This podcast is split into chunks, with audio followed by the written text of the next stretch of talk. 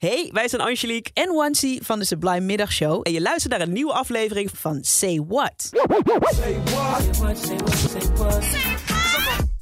Say what? In Say What duiken we elke dag in een songtekst waarvan je kan denken... hé, hey, wat zingen ze nou precies? Of hmm, is dat nog wel van deze tijd? Vandaag ga ik met je luisteren naar Empire State of Mind van Alicia Keys. En dan de versie zonder JC, maar vooral haar eigen versie. En op zich is dat heel duidelijk waar het over gaat. Het is een ode aan de stad New York. De stad waar de lampen altijd branden. En waar als je daar je droom kan waarmaken... dan kan je overal je droom waarmaken.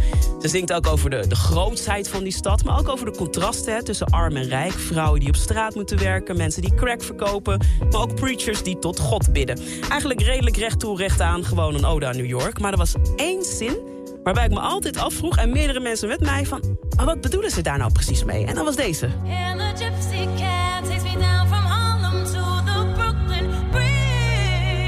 Ja, heel een gypsy cab.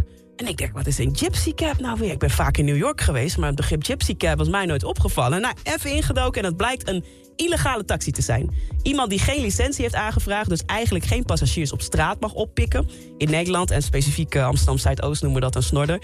En eigenlijk zijn dat ontstaan, die gypsy cabs, nadat je als taxi moest je je gaan registreren. En die registratie die kostte best wel veel geld. Dus er waren heel veel taxichauffeurs die dachten, ja, ik kan dat niet betalen. Ik ga gewoon zonder die registratie rijden.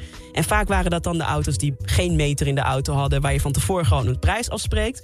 En die mogen dus wel komen als je ze belt. Maar ze mogen niet op straat rijden om dan mensen op te pikken. En dat was heel lang dus een ding in New York. En later kwam Uber en Lyft en al die diensten. En daarna zijn de gypsy cabs een beetje gaan verdwijnen. Want die zijn allemaal van Uber gaan rijden.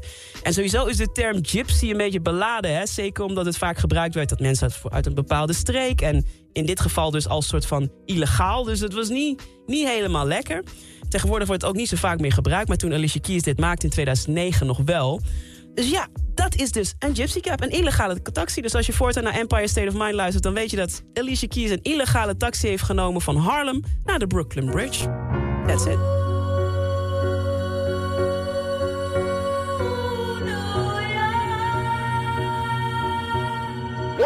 Say what? Say what? Say what? Say what? Say what? Wil je meer van dit? Luister dan ook eens naar onze vorige afleveringen van Say What. En check eens de hit story van Jabrine van de Sublime Ochtendshow. In je favoriete podcast app.